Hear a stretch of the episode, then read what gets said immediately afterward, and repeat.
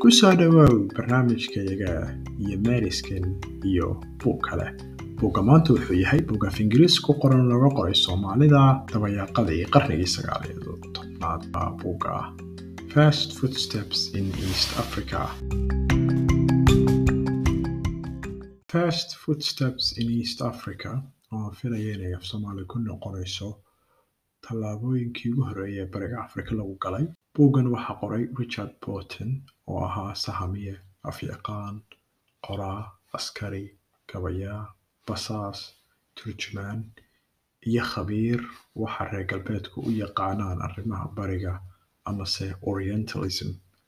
Waxa uu u dhashay dalka boqortooyada midooday ee britain waxa uu ahaa nin dhulmareena oo aada u dhex jibaaxay afrika aasiya iyo maraykanka waxa uu caan ku yahay xadilaada ama minguurinta ugu raway afka ingiriisiga buugta alfa leyla waleyla ama kun habeen iyo habeen ee af carabiga ah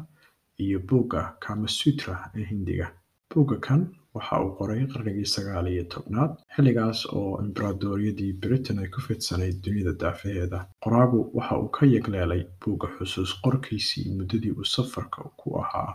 saylac ilaa xerar ilaa berbera iyo degaanka intaas u dhexeeya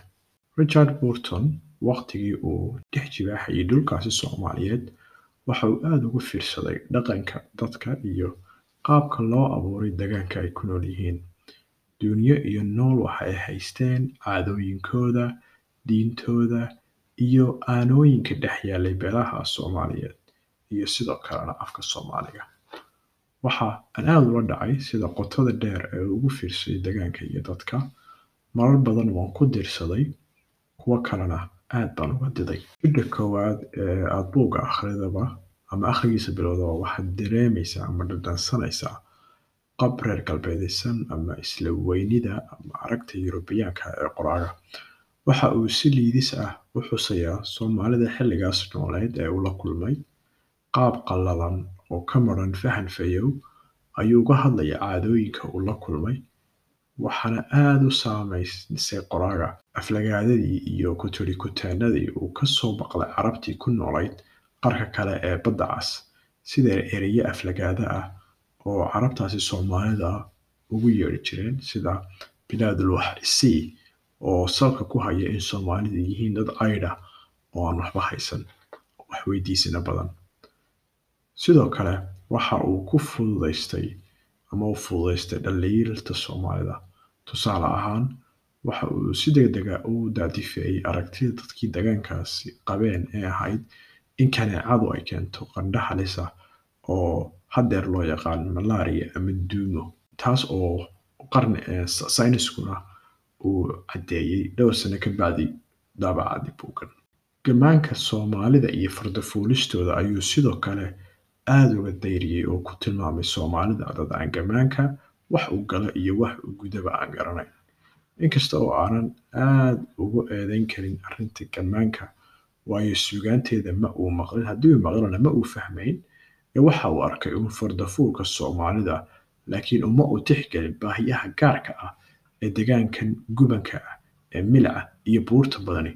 Uu khasab yeelay in koore aada u fudud oo aan culays iyo huur toona ku ahayn faraska la adeegsado oo aada buu inoogu dhaliilay. Kooraha soomaalida kooro fiican haysan. Meesha uu wuxuu mooday cimilada kulul inuu qadariyaba ahayd guud ahaan buuggu waa il taariikheed oo hodana oo si uun wax looga dheegan looga dhegan karo noloshii iyo dagaankii waagaas haba koobnaadaane. Dadka iyaguna xiiseeya dhiraha iyo ugaadho